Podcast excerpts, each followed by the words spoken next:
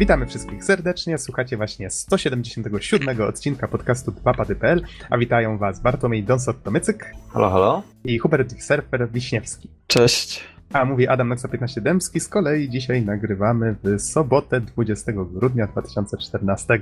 No i już niedługo przy okazji święta, więc myślę, że na wstępie i na odchodne tutaj złożymy Wam życzenia spokojnych i udanych świąt. Ale to jeszcze do tego myślę wrócimy. Z kolei dzisiaj, no troszeczkę tak luźno sobie pogadamy na różne ostatnie branżowe nowinki. Surfer przy okazji nam troszeczkę nie jestem pewien, czy można to nazwać recenzją, czy mini recenzją. Wspomni o DLC do Forza Horizon 2 i też opowie o swoich wrażeniach z Tales of Borderlands od Telltale Games. Chociaż nie wiem, na ile duża będzie to recenzja, to jeszcze zobaczymy. Właściwie Tales from Borderlands, no ale Słucham. to jest Tales from A, Borderlands, przepraszam, ale to przejęzyczenie, tak, zgadza się. Tales from Borderlands. E, I myślę, że jeszcze troszeczkę dzisiaj podyskutujemy o tym. To jest taka w sumie świeżynka, bo dzisiaj pojawiły się informacje z japońskiej imprezy, która się nazywa Jump Festa. Tam Square Enix troszeczkę opowiedziało i pokazało nowe materiały z Final Fantasy XV czy z Final Fantasy Type Zero. No tutaj z surferem może troszeczkę, troszeczkę podyskutujemy na ten temat. Zobaczymy, co z tego wyjdzie. Tak jak mówię, dzisiaj będziemy troszeczkę improwizować przedświątecznie. E, przypomnijmy, tutaj może tak formalnie jeszcze zacznę, przypomnijmy o tym, że nasza strona wciąż jest w przebudowie, chociaż wiem, że Bizon ciężko pracuje nad nią i obiecał, że przed końcem roku skończy. Zobaczymy, co z tego wyjdzie. Trzymamy kciuki. Póki co nadal pięć ostatnich odcinków możecie odsłuchać na naszej stronie 2pady.pl. Jeżeli będziecie szukać linków albo filmików, o których mówimy, wszystko to znajdziecie na naszym Facebooku pod okładką. Mamy taki album, w który wrzucamy wszystkie okładki, tam jest link na naszą stronę i pod nim znajdziecie wszystkie linki i materiały, o których będziemy mówić. No i cóż, panowie, myślę, że możemy w takim bądź razie, nim przejdziemy jeszcze do newsów, zacząć od takiego standardowego pytania, czyli co tam ostatnio gracie? To pierwszy Don, może? E, Szczerze powiedziawszy, ostatnio zapolowałem na szturmowika, konkretnie Ich-2 Szturmowik Bitwa o Stalingrad.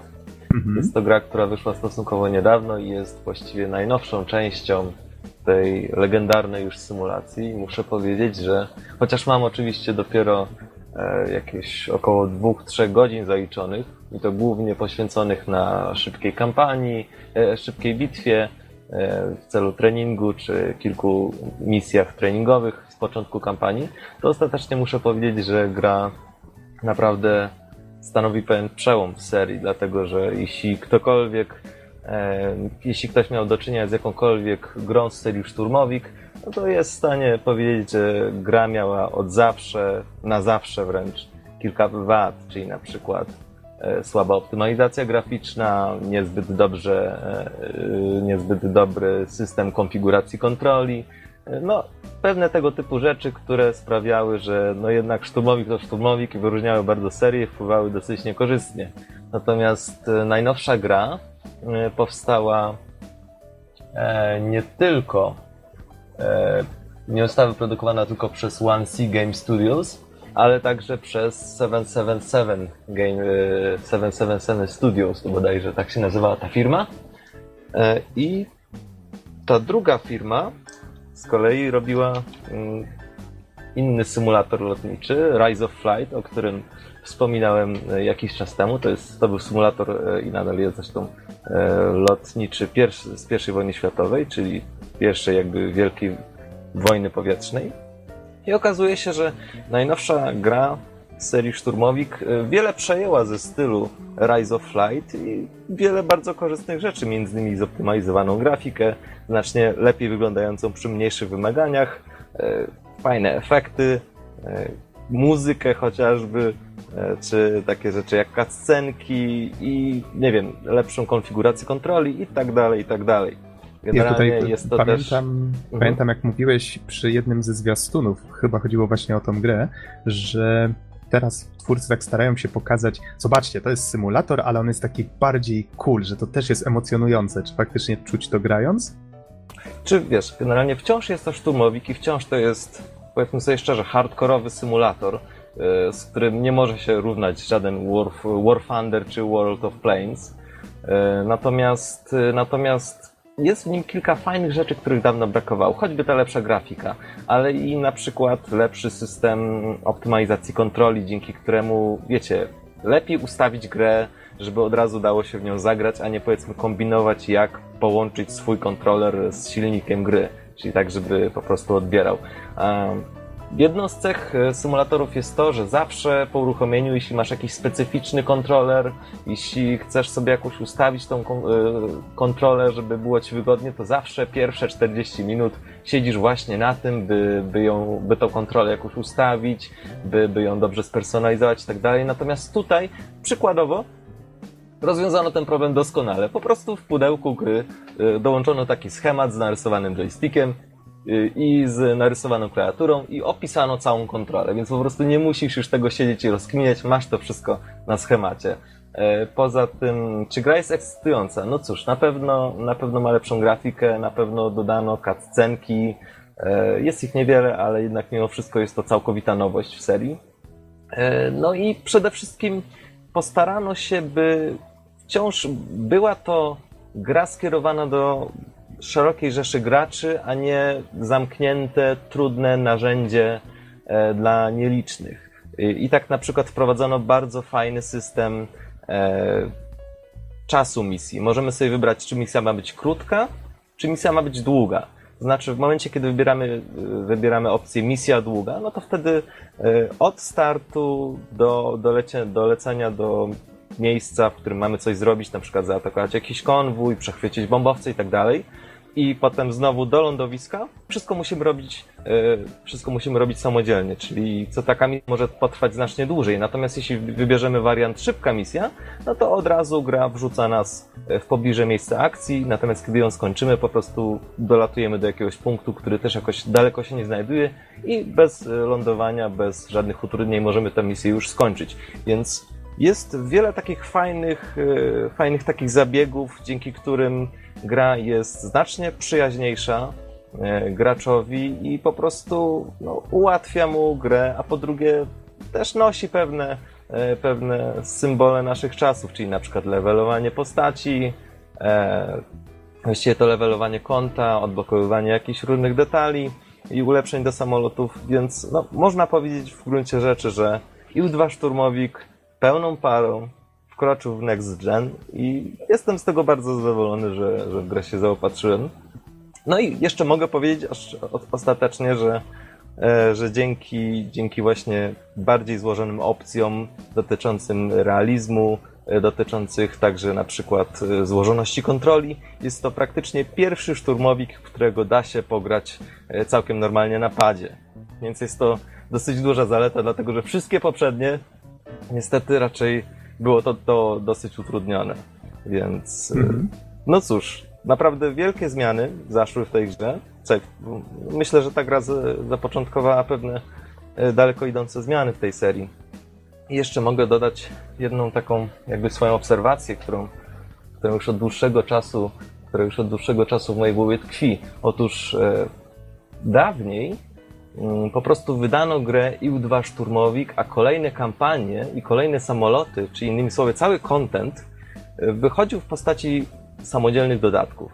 Czyli innymi słowy, teraz możemy zaopatrzyć się y, w grę y, IU-2 Szturmowik 1946 i cały ten pakiet zawiera podstawową wersję gry, Forgotten Battles, Ace Expansion Pack, Pacific Fighters i tak.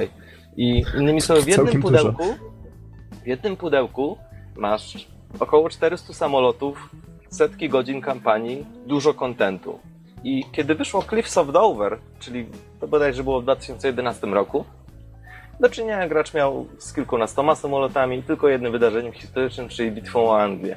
I pomyślałem sobie, że jeśli seria tak ma wyglądać w przyszłości, czyli do każdej kampanii będzie zupełnie osobna gra, no to nie byłoby to zbyt, zbyt wygodne, żeby całe to potężne community rozdzielać między poszczególne gry. No i otóż, jeśli chodzi o bitwę o Stalingrad, okazuje się, tak wyczytałem taką nowość, że, że po prostu będą do niej wypuszczane dodatki, które będą uwzględniać inne wydarzenia z II wojny światowej e, i nowe samoloty, nowe wydarzenia, całkowicie nowy content, który będzie podlegał pod sam tytuł, czyli jakby jest ten powrót do korzeni, że praktycznie w jednej grze twórcy postarają się zgromadzić e, całe community właśnie w postaci dodatków, czyli znowu być może zrobi się z tego taki wielki moloch, jak, e, jak było to w przeszłości i na to zresztą mam nadzieję. Pełną recenzję i pełne swoje przemyślenia jeszcze oczywiście będę przedstawiać, e, jak się z grą lepiej zapoznam. Na razie, jak mówię, mam zaliczonych kilka misji treningowych, no i oczywiście kilka, kilka lotów testowych, lądowanie i tak dalej, i tak dalej. E, mogę jeszcze też powiedzieć, że na przykład mimo pewnych uproszczeń, jakie można zaaplikować do gry, żeby na przykład móc grać na padzie, to jednak e, to latanie samolotem wciąż jest bardzo płynnym, takim fajnym doświadczeniem, bo na przykład w Rise of Flight, wcześniejszej, e, wcześniejszej grze firmy właśnie 77 Studios, po, e, po załączeniu wszystkich uproszczeń kontroli samolot poruszał się bardzo sztywno, tak jak w jakiejś zręcznościówce. Natomiast tutaj mimo wszystko czuć tą płynność ruchu. E, no cóż, jak mówię, więcej będzie w recenzji. Nie wiem jeszcze, czy to będzie przed Nowym Rokiem, czy nie, ale raczej chyba nie. Ale na pewno będzie. Mhm. Okej. Okay. Podoba mi się ten pomysł, żeby to faktycznie była taka jedna gra, która jest rozbudowywana. Jeżeli mówisz, że faktycznie ten fundament jest taki całkiem sprawny, no to wydaje mi się, że to całkiem fajny pomysł. Ale okej, okay, przejdźmy już dalej. E, kontynuując pytanie, w co ostatnio graliście, to może teraz damy głos surferowi. Surfer, co tam ostatnio żeś pogrywał? E, wyjątkowo Forza Horizon 2. E, tym razem, tym razem z dodatkiem, e, o którym dzisiaj troszeczkę więcej powiem. E, swoją drogą, tutaj bardzo podoba mi się jedna rzecz, jeżeli chodzi o ten dodatek, bo zapowiedzieli go, mm, nie wiem, chyba z 5 dni temu. E, przy czym przy zapowiedzi dodali, że dodatek będzie do pobrania gotowy następnego dnia. E, więc bardzo fajna sprawa, że tego nie teasowali jakoś za długo, e, nie nakręcali i tak dalej, tylko o, mamy dla was dodatek do kupienia, możecie kupić go już jutro. Więc w ogóle mhm. rewelacja. O samym dodatku oczywiście powiem troszeczkę później, więc na razie nie będę więcej się zagłębiał. No może poza tym, że spędziłem, nie wiem, jakieś pewnie z 10 godzin już przy nim. O, to całkiem sporo jak na DLC. E, całkiem sporo, bo i sporo jest też kontentu, no ale mówię, to o tym później. E, a do tego wczoraj e, dobrałem się do Dragon Age Inquisition i i, i, i. I tutaj jak na razie miłe zaskoczenie, bo e, raczej nie miałem wielkich e, nadziei e, odnośnie tej gry, dlatego że Dragon Age 2 był dla mnie bardzo słaby. Ale powiem wam, że jak na razie jest bardzo przyjemnie.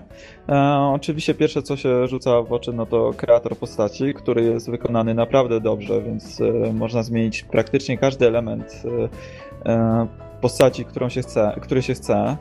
Problemem jest tylko to, że na przykład ponad połowa włosów u postaci kobiecej to są włosy krótkie i to takie bardzo krótkie, więc jest to troszeczkę dla mnie dziwne. Nie wiem, czy to jest jakiś trend, o co tu chodzi. No, Domyślam się, razie... że to bardziej techniczna kwestia z animacją długich włosów, to nie jest takie proste. Znaczy, o, wiesz co, jeżeli chodzi w ogóle o kwestie techniczne, to jest bardzo słabo bo po pierwsze, ani ta gra nie wygląda dobrze, ani nie chodzi zbyt dobrze. E, no i jeszcze inna kwestia jest taka, że e, w stenkach e, framerate spada do jakichś pewnie 15-20 klatek na sekundę. Przepraszam, że się zacząłem śmiać, ale przypomniałem sobie, o czym my to mówiliśmy tydzień temu? Gra roku według The Game Awards, tak? No tak, Dragon Age. Ale słuchajcie, nie oceniajmy tylko po tym gry, bo to nie jest ważne. Właśnie tak, grając oczywiście. sobie w Dragon Age'a doszedłem do wniosku, że na razie jest bardzo fajnie, miodnie i to, że gra nie wygląda jak Wiedźmin 3 na trailerach, to wcale nie oznacza, że jest kiepska, więc na pewno jeszcze postaram się trochę pograć. E, jak na razie jest w porządku, więc e, jak na razie tutaj te dwie gry. No, o DLC do Forza Horizon dwójki opowiem troszeczkę później. Mhm. No, tutaj tak dobrze, że wspomniałeś właśnie o tym gameplayu, bo tak ja jeszcze nie grałem właśnie w Inquisition, ale mm, widziałem na E3 właśnie te pokazy gry i już wtedy wspominałem, że faktycznie jeżeli chodzi o gameplay, to wygląda to całkiem miodnie. No, nie, no razie... no wiesz, e, zdecydowanie lepiej e, już od samego początku e, się w to gra niż w Dragon Age 2. Przede wszystkim mam wrażenie, że gameplay jest taki bardziej mm, smooth, taki bardzo płynny. Płynny, mhm. bardzo intuicyjny. Po prostu gra się w to naprawdę przyjemnie, więc e, jak na razie jest bardzo fajnie, intrygujący jest ten początek fabularny, e, fajne postacie poboczne, więc jak na razie jest e, ok, zobaczymy jak będzie dalej. Inna sprawa, że jeżeli chodzi o grę RPG, to ja troszeczkę przeżywam kryzys, czyli generalnie nie wiem, czy będzie mi się to chciało grać mimo wszystko dużo, dużo dłużej, czy spędzę przy tym 40, 50 czy 60 godzin, ale na pewno postaram się jeszcze trochę przy tym posiedzieć i, i następnym razem może coś więcej na ten temat opowiedzieć. Mhm. E, to ja tutaj przypomnę, że ja dopiero zacząłem zapoznawać się z serią, czyli gram właśnie w Dragon Age Origins, ale odłożyłem, czy znane u nas jako początek, odłożyłem na razie tę grę, bo stwierdziłem, że przed końcem 2014 e, powinienem jeszcze zapoznać się troszeczkę z grami, które mam, czy tam zaopatrzyłem się w trakcie ostatnich wyprzedaży, czy to na zimobraniu, czy, czy, czy w innych źródłach. No i e, stwierdziłem, że chciałbym przejść jeszcze do Sylwestra nowego Tifa, nowego e, Wolfensteina, a tak to jeszcze zaopatrzyłem się w Child of Light, które tam pamiętam, że przed premierą tutaj sporo, sporo mówiłem, czy jakimiś zwiastunami na podcaście sypałem. E, I jeszcze e, tą platformówkę też od Ubisoftu, którą recenzował Bizon jakiś czas temu i to było Valiant Hearts. O, właśnie. Mam nadzieję, że te cztery gry uda mi się skończyć. Może się nie uda, może nie, ale na pewno rozdanie naszych złotych grzybków czy złotych halucynów, jak to, jak kto woli, w tym roku. Chciałem sobie poszerzyć troszeczkę przed, przed tym rozdaniem jednak listę nominacji, tak, ewentualnych. Więc to tyle, jeżeli chodzi o rzeczy, w które ja grałem. Myślę, że możemy teraz spokojnie przejść do newsów. Sporą część z nich myślę, że tak na zasadzie tylko podrzucenia, że coś takiego się dzieje, ale tutaj przedstawimy, ale są też takie, w których być może jakaś dyskusja się też rozwinie. Myślę, że jeden z takich krótszych to na przykład to, że pojawiła się plotka, że powstaje Mafia Trójka. Sklep PlayAsia opublikował karty na PlayStation 4 i Xbox One właśnie związane z, z Mafią Trójką. Pojawił się tytuł, pojawił się opis. Tutaj głównie byłem ciekaw, Don, co ty sądzisz o ewentualnej nadciągającej kontynuacji. Wiesz to generalnie ja muszę ci powiedzieć, jeszcze przy okazji, że y, jakoś 2-3 dni temu doszła do mnie premierowa edycja Mafii pierwszej, którą też zamierzam ukończyć. Nie wiem kiedy to się stanie, ale tak to mam w planach, już zresztą stoi na półce. Mhm. Ja oczywiście jestem bardzo na tak, dlatego że mało jest y, gier, które, które traktują stricte o mafii w taki sposób właśnie, jak robi to ta seria. Przynajmniej druga mafia mm, no, starała się pokazać trochę dojrzalszą historię i pokazać ten właśnie mroczny świat i to, jak on działa. No, zakończyła się oczywiście. No, niektórzy za, y, narzekają, że zakończyła się zbyt wcześnie, inni jeszcze, że, że pewne wątki nie zostały domknięte. Natomiast ja jestem ciekaw, E, ciekaw jestem, co z tą marką się stanie w takim razie i jak będzie wyglądać trzecia gra. Natomiast e, nie wiedząc zupełnie nic, e, zgaduję, że, że prawdopodobnie nie będzie to w ogóle dotyczyć Vito Scaletti, czyli ostatniego bohatera, tylko zostanie przedstawiony jakiś trzeci, bo pamiętajmy przecież, że lata 30., czyli klimaty mafii pierwszej, lata 50. i 40., czyli klimaty mafii drugiej, to nie są jedyne czasy, w których rodziny mafijne funkcjonowały jeszcze w latach 70., a nawet na początku 80. E, przecież występowały takie organizacje. Rodzina Gambino to jest jeden z takich kluczowych przykładów. E, taka najbardziej, jedna z najbardziej wpływowych rodzin w Stanach Zjednoczonych właśnie w latach 70. i chyba na początku 80. Więc e, fajnie byłoby zobaczyć mafię trzecią z zupełnie nowym bohaterem, z zupełnie nowym okresem, czyli na przykład właśnie tych lat 60., 70., 80., Jestem na tak. Jestem na tak. Jeśli, jeśli twórcy będą dalej kontynuować e, próbę opowiedzenia takiej dojrzalszej historii i takiej, no wiadomo, udramatyzowanej, ale może i trochę ure, urealistycznionej, to jestem jak najbardziej tak i, i naprawdę cieszę się, bo, bo szczerze powiedziawszy tak ze smutkiem e, pogodziłem się z faktem jeszcze trochę wcześniej, że, że, że o Marce nic nie słychać. No ale jak widać, słychać więc. Mhm. Więc tak. Okej, okay, tylko tak jak mówimy, to na razie są prawdopodobnie plotki, chociaż wiadomo, że w każdej plotce może być ziarno prawdy. Z kolei, co ja tutaj mam dalej w swoim magicznym spisie? Mm, zapisałem sobie, żeby wspomnieć o czymś takim, takiej inicjatywie, która się nazywa Tour Bueno. Jest to jest to, no właśnie, co to takiego jest? Jak to przedstawić? Jest taka grupa, bodajże duet twórców indie, oni się nazywają Major Bueno i oni wpadli na taki szalony pomysł, żeby pojeździć po Europie, spotkać się z innymi twórcami indie i razem z nimi zorganizować za każdym razem jam, czyli tworzenie gry, powiedzmy tam już nie jestem pewien, czy to ma być 24 czy 48 godzin. W każdym razie jadą do nowego kraju, spotykają się z nowym twórcą, organizują jam, żeby razem z nim zrobić jakąś gierkę i tak dalej. Taka sympatyczna wycieczka, która ma być streamowana na żywo i to jest taki właśnie, myślę, dość ciekawy ciekawy pomysł, który może zrodzić całkiem fajne efekty. I to, dlaczego o tym mówię przede wszystkim, to to, że w Polsce aż dwóch twórców odwiedzą i to będzie Łukasz Spierewka, znany nam skądinąd i Sos Sosowski, również znany nam skądinąd. Tutaj przypomnę, że e, Łukasz e, współtworzył Superhota. E, Sosa myślę, że tutaj przedstawiać szczególnie nie trzeba. Sos bardzo silnie się promuje już od dłuższego czasu, tworzy takie małe, zwariowane gierki. I przypomnę, że obaj panowie tutaj gościli na naszym podcaście już jakiś czas temu. Chyba czas odświeżyć troszeczkę znajomości i zaprosić ich ponownie może na jakieś podsumowanie roku czy coś takiego. Ciągle to planujemy, mam nadzieję, że w końcu może, może się uda.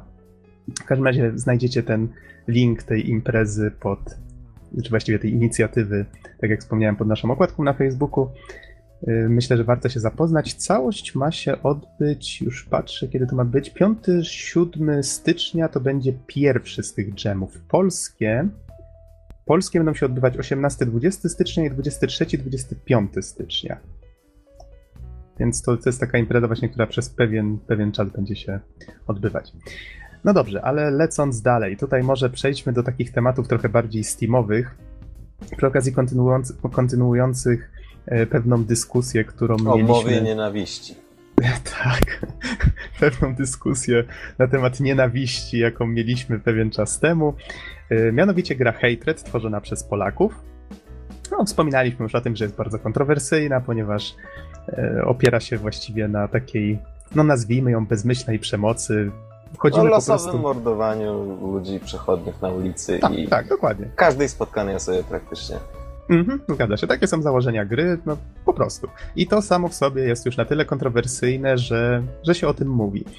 Y, gra trafiła na Greenlight, czyli na ten system zatwierdzania przez użytkowników Steama, co ma trafić na platformę. No i Valve, czyli właściciel Steama, no cóż, pojawiły się, tutaj może zacytuję news na cdaction.pl, Valve napisało do twórców Hatred. Chcielibyśmy dać wam znać, że w oparciu o to, co widzimy na Greenlight, nie wydamy Hatred na Steamie. W związku z tym je zdejmujemy.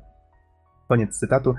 Albo nie, może tutaj jeszcze dodam, że gra w ciągu godzin, zdoby, godzin zdobyła 14 209 głosów, z czego 93% było na tak, a 7%, czyli tutaj 1061 na nie. Koniec cytatu. Czyli jak widać, gra cieszyła się dużym zainteresowaniem, mimo to postanowiono tę grę zdjąć, ale po jakimś czasie pojawił się dopisek do tego newsa, dość niespodziewany, i tutaj też go zacytuję. Okazuje się, że za Hatred wstawił się sam Gabe Newell i w tym samym i, tym samym wróciło na Steam Greenlight. Hatred wróciło na Steam Greenlight. W mailu do szefa studia napisał Wczoraj usłyszałem, że zdejmujemy Hatred z Greenlighta. Nie byłem na bieżąco, więc wypytałem pracowników, dlaczego to zrobiliśmy. Okazało się, że nie była to dobra decyzja i dlatego przywracamy Hatred do tej usługi. Przepraszamy ciebie i twój zespół. Koniec cytatu. No cóż, Gabe przemówił, więc Hatred wróciło na Greenlight. Niesamowita historia. I teraz 93% ludzkości świętuje. Ale wiecie co, to jest naprawdę świetna sprawa, bo twórcy, znaczy ja nie twierdzę, że ta gra ma być czymś ambitnym, no bo prawdopodobnie po prostu tym nie będzie, ale sam fakt, jak ona miesza w tej chwili ludziom w głowach, to jest coś pięknego, bo twórcy powiedzieli, że biorąc się za tak właściwie kontrowersyjny temat, chcieli sprawdzić, na ile ta branża jest, mm, jak oni to ujęli, no, jak dużo hipokrytów jest właśnie wśród, y, wśród branżowych, czy to dziennikarzy, czy właśnie y, sprzedawców. No bo w tej chwili większość gier jest tak naprawdę o przemocy. Ona jest w jakiś tam sposób wybielana, prawda? No wszyscy o tym wiemy. Tutaj mamy grę, która w ogóle nic nie wybiela, po prostu polega na zabijaniu bezbronnych ludzi na ulicy. No to samo w sobie brzmi dość szokująco, nie ma, nie ma co ukrywać. I nagle się okazuje, że Steam, który przecież ma wiele innych kontrowersyjnych tytułów w ofercie, nagle to zdejmuje. No i tutaj Gabe Newell, on pamiętam kiedyś właśnie jakiś taki dokument oglądałem, w którym on tłumaczył, w jaki sposób działa Valve, w jaki sposób oni ma, są zorganizowani w tej firmie, firmie. I on ufa swoim ludziom, on mówi, że oni mają coś załatwiać, jeżeli, znaczy załatwiać tak, jak sądzą, że jest właściwie. Jeżeli coś będzie się ludziom nie podobać, to on wie, że fani po prostu Steama, Valve, oni do tego, oni do nich napiszą i to prędzej czy później do niego trafi. No i tak jak widać tutaj, trafiło do niego i on zaczął wypytywać swoich pracowników, dlaczego tak zrobili. Nie spodobało mu się to, no i stwierdził, że to może tylko im zaszkodzić. Więc no, niesamowita historia na swój sposób własny. Bo początkowa moja reakcja, przyznam szczerze, była właśnie taka, że no, Valve zdejmując tę grę, jakby udowodniło w pewnym sensie to, co twórcy właśnie sądzili, że branża jest trochę hipokrytyczna. Ale tutaj jednak się okazuje, że Gabe Newell stwierdził, że to może im faktycznie bardziej zaszkodzić niż pomóc i stwierdził, że trzeba cofnąć taką decyzję. Wiesz co? E, takie przemyślenie mi krótkie przyszło do głowy, w sensie być może niektórzy po tej decyzji pierwszej Valve, żeby grę ściągnąć, e, mogliby stwierdzić, no dobra, może jednak Hatred poszło o krok za daleko. Ale z drugiej strony właśnie muszę się zgodzić z tobą. Jest wiele gier, które E, które pokazuje przemoc i to nie tylko powiedzmy brutalne niszczenie, zabijanie przeciwników, którzy są uzbrojeni, ale także i nieuzbrojeni. Więc e, szczerze powiedziawszy, kiedy pierwszy raz zobaczyłem ten nagłówek, to stwierdziłem, że ściągnięcie tej gry ze Steama byłoby z, jeszcze ze Steam Greenlighta, ale to wiązało się na zdrowie, jeśli było słychać. E, ściągnięcie tej gry w ogóle ze Steama i nie danie jej szansy na, nawet na drugie na zdrowie. zdrowie, nie danie jej szansy nawet na, na spróbowanie dostanie się do, do biblioteki oficjalnej jest po prostu nieuczciwe wobec, wobec twórców Hatred. Na szczęście gra wróciła i no cóż, zobaczymy jak się będzie w nią grało. Mhm. No, więc pozostawiamy do, do przemyśleń cały temat, albo odsyłamy do naszej dyskusji, już nie pamiętam dokładnie, w którym ona była odcinku. Z kolei lecąc już dalej, bo czas nas goni, e, skoro już jesteśmy przy Steamie, wprowadzono coś takiego, no właściwie to ma swoją nazwę już od dawna, blokady regionalne. Wprowadzono blokadę regionalną na klucze, które zostały podarowane, no bo wiele sklepów handluje takimi kluczami i w większości biorą je właśnie z krajów, gdzie te klucze są tańsze. Tylko, że w tej chwili sytuacja w Rosji nie jest zbyt wesoła wartość waluty strasznie spadła, no i Steam, żeby ratować swoje interesy, postanowił, że wprowadzi blokadę regionalną właśnie na klucze kupowane w Rosji. Trzeba więc uważać. Słyszałem, że niektóre sklepy wycofują niektóre gry z ofert, co automatycznie wskazywało na to, że właśnie te klucze mieli z takich źródeł. No ale wiadomo, że można się zawsze gdzieś tam złapać na jakiś kluczyk, który kupicie za mniejszą sumę, a jednak się okaże, że nie zadziała. Przy czym warto jeszcze dodać, oszczęd... że Ostrożnie. że cała, cała akcja dotyczy właśnie kluczy kupionych, natomiast nie e, kopii pudełkowych, które możemy zakupić w Rosji i spokojnie potem sobie aktywować, na przykład w Polsce. Więc e, bądźcie spokojni, jeśli w Rosji zakupiliście coś, jakąś fajną grę w pudełku, to będziecie mogli ją bez obaw aktywować w Polsce. Хорошо. Okej, okay, co my tutaj mamy dalej? Metal Gear Solid 5 Grand Zeroes. Niedawno żeśmy rozmawiali, zresztą z surferem również. E, to tutaj taka ciekawostka. Gra już jest na Steamie dostępna.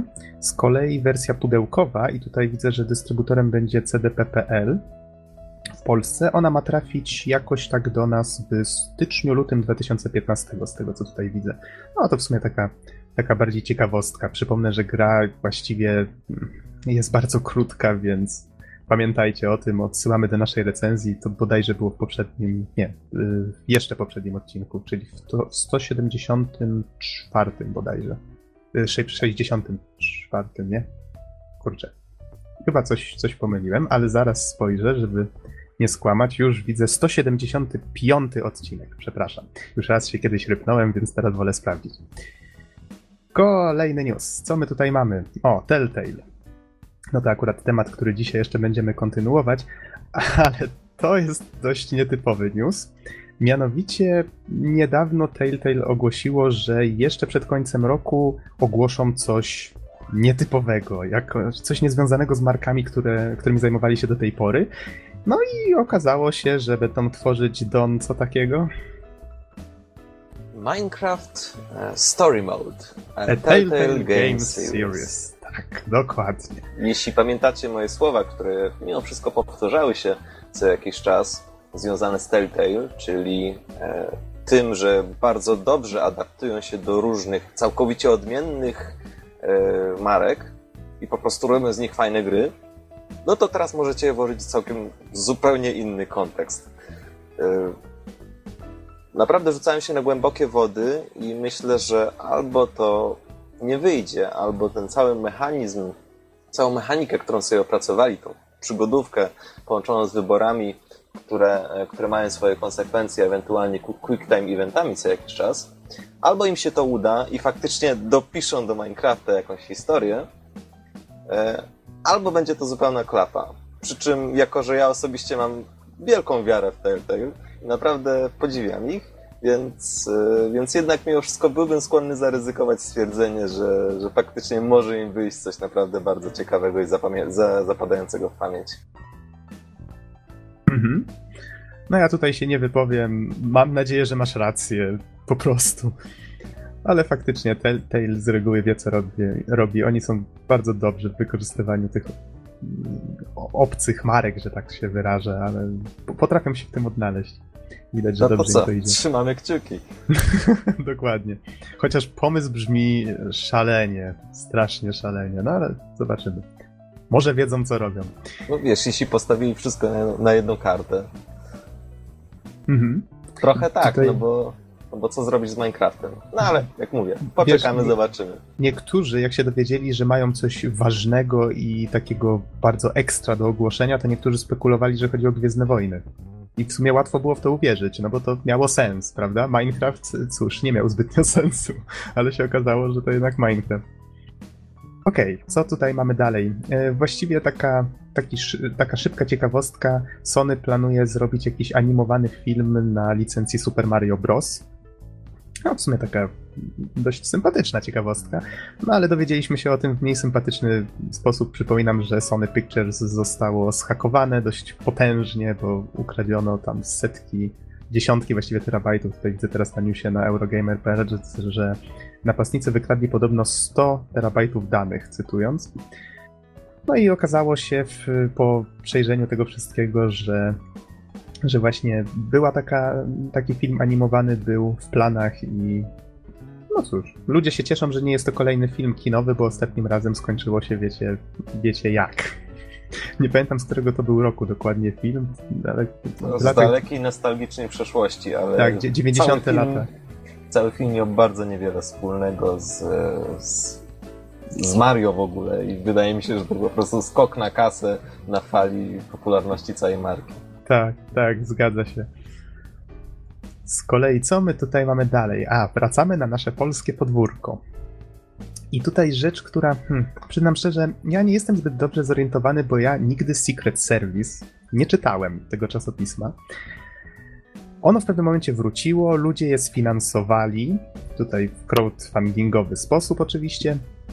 No i cóż, pojawiły się z tego co mi wiadomo dwa numery i nagle okazuje się, że twórcy stracili prawa do tytułu i że w tej chwili będą wydawać czasopismo, które się nazywa Pixel. I cóż, dla osoby z zewnątrz, no to ja tak sobie czytałem newsy, no okej, okay, no to cóż, nie wyszło, ale jak tak troszeczkę się zagłębiłem, Okazuje się, tutaj przeczytałem sobie wpis na antyweb.pl, nie wiem na ile on jest dokładny, ale to już nie będę w to wnikał. W każdym razie czytając y, i ten wpis i komentarze użytkowników pod nim, doszedłem do wniosku, że to faktycznie może być jakaś grubsza afera, bo wychodzi na to, że, y, że tutaj właściciel tej nazwy po dwóch numerach skończyła się umowa dotycząca tego, że twórcy mogą wykorzystywać tej nazwy. Wychodzi na to, że, e, że redakcja prawdopodobnie wiedziała o tym, że ta umowa tak szybko się skończy i tak po nitce do kłębka, analizując te wszystkie rzeczy, które są tutaj w tym artykule wymienione, już nie będę tutaj dokładnie wszystkiego cytował, wychodzi na to, że być może mamy tutaj do czynienia z jakimś większym przekrętem, który polegał po prostu na tym, żeby zebrać pieniądze od użytkowników, opierając się na ich E, miłych wspomnieniach związanych z Secret Service związanych właśnie z nostalgią. I, I potem po prostu wykorzystać te pieniądze, żeby założyć zupełnie nowe czasopismo na nazwie, do której ma się już pełne prawa. I no, cóż, jeżeli tak faktycznie było, to no, nie brzmi to zbyt dobrze. Już właśnie spotkałem się z takim komentarzem, że nikt nie dałby tylu pieniędzy na pismo Pixel. Za to wiele dałoby, żeby wskrzesić Secret Service. I wybacz mi, ale e, tak właśnie jak tak e, poruszyłeś ten temat, to skojarzyła mi się moc nostalgii i twoje wrażenia z DuckTales i twoje emocje, kiedy tylko zapowiedziano tę grę. Więc no jednak mimo wszystko widać, że, że tego typu emocje i właśnie wynikające z nostalgii mogą zostać wykorzystane w niezbyt czysty sposób. Oczywiście nie jest to potwierdzone, ale, ale cała sprawa nie jest przyjemna dla tych, którzy liczyli na to, że faktycznie Secret Service pożyje trochę dłużej niż dwa numery. Mhm, zgadza się, dokładnie tak. Żeby już może nie przedłużając kwestii newsowych, co my tutaj mamy? A, coś co właściwie nie jest już takim, taką świeżą informacją, bo widzę, że news jest z 2 grudnia, no ale przypomnę, że ostatnio mówiliśmy o jednak o The Game Awards i na tym się skupiliśmy. E, był przeciek związany z kolejnym Assassin's Creedem i choć całkiem niedawno wyszło Unity jeszcze nie skończyły się właściwie echo jeszcze się, się, nie rozeszło związane z tym, jak bardzo ta gra jest niedopracowana. I z tego co słyszałem, to chyba ostatnio wyszedł jakiś 30-parogigowy patch. Jakoś tak nie znalazłem nigdzie źródła potwierdzającego tę informację, ale aż się przeżegnałem. E, w każdym razie wychodzi na to, że już wiemy, gdzie będzie się odbywał kolejny Assassin's Creed. Widzimy nawet to na screenach i będzie to Londyn wiktoriański. Wygląda to całkiem ładnie, chociaż muszę przyznać, że z każdą kolejną częścią im bliżej jesteśmy współczesności, tym bardziej ten facet, ten asasyn w, w takim właśnie charakterystycznym, dziwnym stroju odstaje coraz bardziej od tłumu. Ja nie mam zielonego pojęcia, jak on miałby niby ukrywać się w tym tłumie, właśnie w takim takim bojowym rynsztunku, który no, niby jest w jakiś tam sposób do tej epoki niby dostosowany, ale z drugiej strony zupełnie się nie wtapia, więc to jest coś, co mnie osobiście razi. Ja myślę, że nie musi się wtapiać w tło, w tłum, dlatego że wystarczy, że wskoczy na trzy dachy w ciągu 10 sekund i zgubi każdy, każdą praktycznie pogoń. A, może w sumie racja. A tak patrząc po tych screenach, to jeszcze Poza widać, tym, że... No proszę cię, styla, praktyczność. Myślę, że jakby odpowiedź jest oczywista w przypadku Asasyna. Jedna rzecz, która rzuca się właśnie na jednym screenie, to walka na jadącym po, tym, powozie z jakimś napastnikiem. Wygląda to całkiem dynamicznie i fajnie. Wiesz co, natomiast moje wrażenia są takie, że mnie bardzo cieszy, że, e, że z gry na grę e, te produkcje jednak mają coraz większy rozmach. I naprawdę na przykład Londyn taki industrialny, pełen tych kominów, dymów, jakichś takich ciemnych uliczek, e, może być naprawdę bardzo fajnym pomysłem i świetnym doświadczeniem dla wszystkich fanów serii, a i nawet dla być może ludzi nowych, którzy jeszcze z tymi grami nie mieli do czynienia. Mhm. Z kolei tutaj z tego co widzę na Kotaku, bo właśnie tutaj wyczytałem. Przepraszam, jeżeli jakieś odgłosy tutaj odchodzą, ale taki wiatr jest na zewnątrz, że jak mnie nie wywieje, jak mnie nie wywieje, to będzie dobrze. Ale patrząc tutaj na Kotaku, widzę, że gra ma się nazywać Assassin's Creed Victory. I teraz było Unity, tak? Teraz będzie Victory. Jedność, zwycięstwo. No, widać, że poszli w takie proste podtytuły teraz. Charakterystyczne. No i z kolei z innych rzeczy myślę, że wrzucimy jeszcze parę filmików pod podcast jak zwykle. I będzie to tutaj coś bliskie memu sercu, czyli Shantae and the Pirates Curse. Tutaj gra od WayForward jeszcze miała już premierę na 3DS-ie w Stanach. Jeszcze nie ogłoszono, kiedy dokładnie będzie y, w Europie, a już wiadomo, że trafi na Wii U. Nie jestem pewien dokładnie kiedy, ale ale to się stanie dokładnie i. O, a może właśnie pod zwiastunem wypatrzyłem datę. E, tak, 25 grudnia i to będzie dokładnie za 5 dni. no proszę bardzo, ale w Stanach. Czyli gra będzie już tam dostępna do końca roku i na 3DS-ie i na Wii U. Ja czekam na 3DS-ową wersję europejską, na pewno poinformuję o tym, kiedy się wydarzy premiera, bo sam czekam bardzo. Z kolei to, co ja tutaj mam jeszcze w spisie, Life is Strange. To jest gra, o której też już wspominaliśmy. Jest stworzona przez twórców Remember Me, e, czyli Don't Not Entertainment, bodajże tak się nazywali. I już wiedzieliśmy o tym, że ma być to przygodówka, chociaż teraz widać, że będzie to coś bardziej takiego w stylu Heavy Raina, czyli takiej przygodówki w stylu Davida Cage'a. I no cóż, na zwiastunie możemy zobaczyć dziewczynę, właściwie uczęszczającą do jakiejś szkoły, która nagle odkrywa, że ma umiejętności cofania czasu. Nie wiadomo jeszcze dokładnie o co w samej historii będzie chodziło, ale wygląda to dość ciekawie, całkiem Wiesz ładnie, co? stylistycznie. Pierwsze moje skojarzenie to takie e, mhm. e, dotyczące może takiej trochę filozoficznej tematyki, to znaczy, no dobra, na przykład zobaczy jakieś tragiczne wydarzenie i ma świadomość tego, że może je zmienić. I teraz, czy to zrobi? Ale z drugiej strony mamy też kwestię taką, e, jak wielkim kosztem mogłaby zrobić, e, dokonać tej zmiany i czy na przykład jest w stanie udźwignąć no, ciężar tej, no powiedzmy sobie szczerze, odpowiedzialności. Mhm. Bo nawet na samym trailerze widzimy, że, że jest bodajże świadkiem morderstwa i, i co ona może z tym zrobić i, i czy powinna. No ale mówię, to są tylko na razie moje pierwsze wrażenia, chociaż sam trailer jest dosyć klimatyczny. Od razu z marszu grę wpisałem na listę produkcji, które powinienem zobaczyć. Mhm. Ale bardzo możliwe, że będzie właśnie tak jak mówisz. Dziękuję Ci za ten, za ten opis. E, z kolei gra będzie podzielona na pięć odcinków, więc tutaj twórcy poszli troszeczkę właśnie w, w styl Telltale. I gra będzie, pierwszy z tych odcinków będzie już dostępny w, dostępny w styczniu, może tutaj zacytuję newsa na cdaction.pl. Life is Strange pojawi się na PlayStation 4, PlayStation 3, Xbox One, Xbox 360 oraz PC 30 stycznia 2015 roku. Koniec cytatu. Więc to jest jedna z gier, na które czekam. To może być coś faktycznie fajnego. Remember mi mi się podobało. Ufam, że twórcy tym razem też nie zawiodą. Z innych filmików, które trafią pod podcast, to też coś, co nie jest nowe, bo to też pokazało się 3 grudnia. Jest to Saints Row Got Out of Hell. Zwiastun w stylu musicalu, który jest po prostu cudowny. nie wiem, Don, widziałeś go? O, oczywiście, że taki to nie raz. Generalnie mi najbardziej się podoba, e, że tutaj właśnie cała ta seria nie dość, że jest satyrą, ale zaczyna być taką, takim nawet komentarzem, bo z, jeśli zwróciłeś uwagę, e, cały ten trailer to jest taki, taka jakby drwina z tych wszystkich konwencji, nie tylko musicalowych, ale też, e, też wszystkich jakichś takich e, kreskówek typu, typu Pixar czy Disney, w których, nie wiem, bardzo często jakaś postać śpiewa.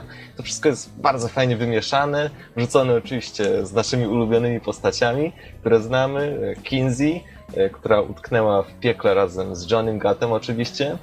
Dodatkowo mamy córkę szatana i konflikt z jej ojcem, bardzo surowym, więc to... Kurczę, mam nadzieję, że, że coś z tego e, całkiem fajnego wyniknie. E, ciekawi mnie tylko, czy tego typu mm, żart właśnie z musicalowym stylem został po prostu wykonany ekskluzywnie na potrzeby trailera, czy też może pojawi się gdzieś na zdrowie, na zdrowie. czy poja pojawi się też gdzieś w grze. E, no i szczerze powiedziawszy, mm, nie mam pewności i trochę mnie to martwi, jak długo faktycznie będzie się grało ten dodatek, bo podejrzewam, że cena e, nie będzie niska.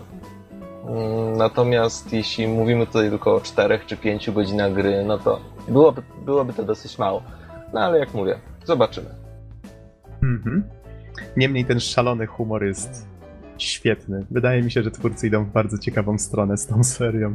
Wiesz co, jeśli, jeśli jeszcze się nie zapoznałeś z serią, to naprawdę polecam ci, żeby to zrobić, bo e, cała ta seria jest kopalnią, naprawdę kopalnią świetnych pomysłów i naprawdę nawet świetne, świetnego komentarza do, do gier wideo, do konwencji gier wideo. Naprawdę polecam. Mhm. Odsyłam zresztą do, do swoich recenzji. Recenzowałem drugą, trzecią i czwartą część. O, już niedługo będzie dużo łatwiej znaleźć nasze recenzje na stronie, ale cii, to mały spoiler. Mamy bardzo fajne pomysły na to, jak naszą stronę dwóch padów rozbudować, ale to może jeszcze wstrzymamy się z komentarzem na ten temat. Niemniej mamy nadzieję, że Wam się to spodoba. E, z kolei ostatni filmik, który wrzucimy pod podcast, to jest coś, co znalazłem na cityaction.pl. Mianowicie wspomniano tam o modzie do Duma.